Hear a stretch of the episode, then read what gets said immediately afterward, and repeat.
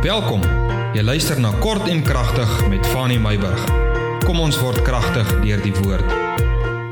Ek groet jou vanmôre. Jy weet in ons land, ons wêreld, is daar ewige uitdagings, nê? Nee? Daar's uitdagings op ons huwelike, huishoudings, besighede in alle forme.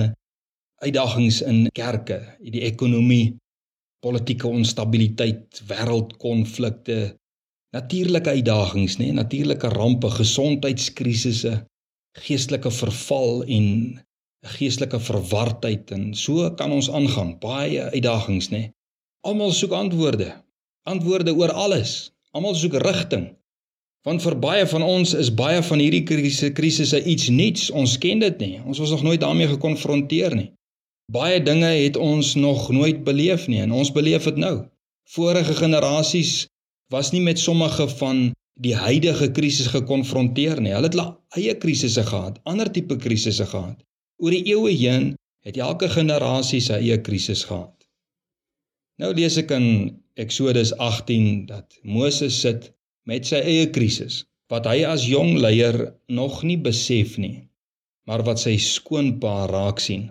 600 000 mense op 'n vreemde pad Hulle is op pad na 'n vreemde land, vreemde omstandighede, uitdagings waarmee hulle nog nooit gekonfronteer was nie.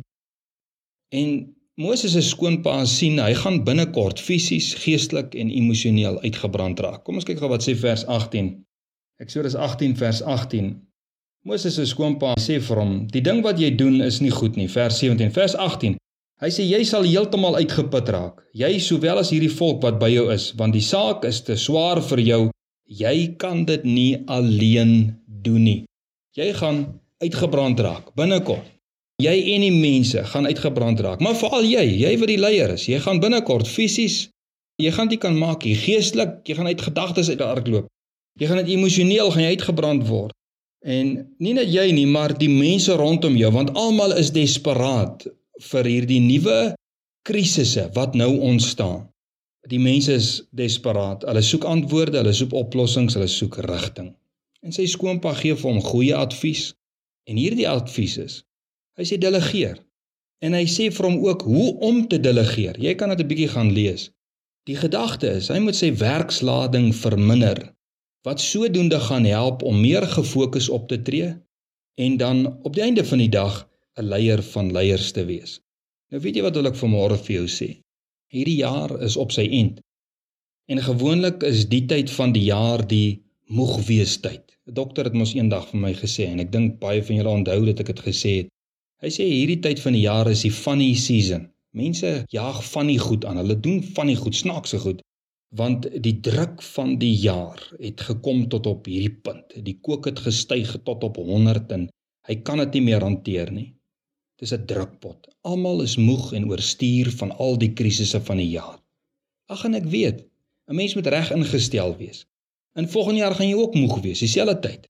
Maar weet jy wat? Almal van ons moet tog belê in ons geestelike, emosionele en ons fisiese gesondheid.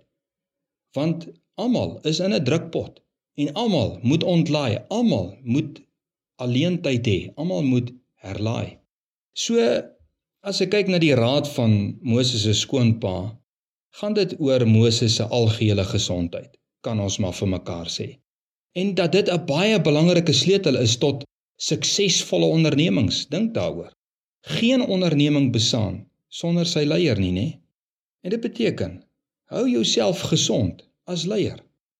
Die vakansie is nou op hande. Gebruik jou vakansie. Of dan as jy op vakansie gaan, hierdie minder besige tyd om te belê in jou gesondheid fisies, geestelik en emosioneel. Jy is 'n leier op een of ander vlak van die lewe. Jy's jou eie leier. Jy's 'n geestelike leier. Jy's 'n leier in jou huis as man of vrou. Het jy elkeen 'n julle eie leierskapsfunksie.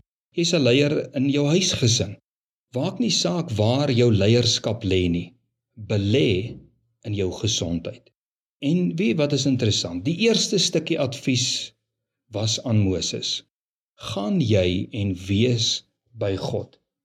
Hy sê in vers 19: Luister na my, ek sal jou raad gee en God sal met jou wees. Wat jou betref, wees jy die verteenwoordiger van die volk by God. Hy sê vir hom: Gaan na God toe. En wie wat ek gevind, as jy na God toe gaan oor baie ander mense en oor ander dinge, dan gee God tog vir jou ook krag om aan te gaan. Psalm 55 vers 23.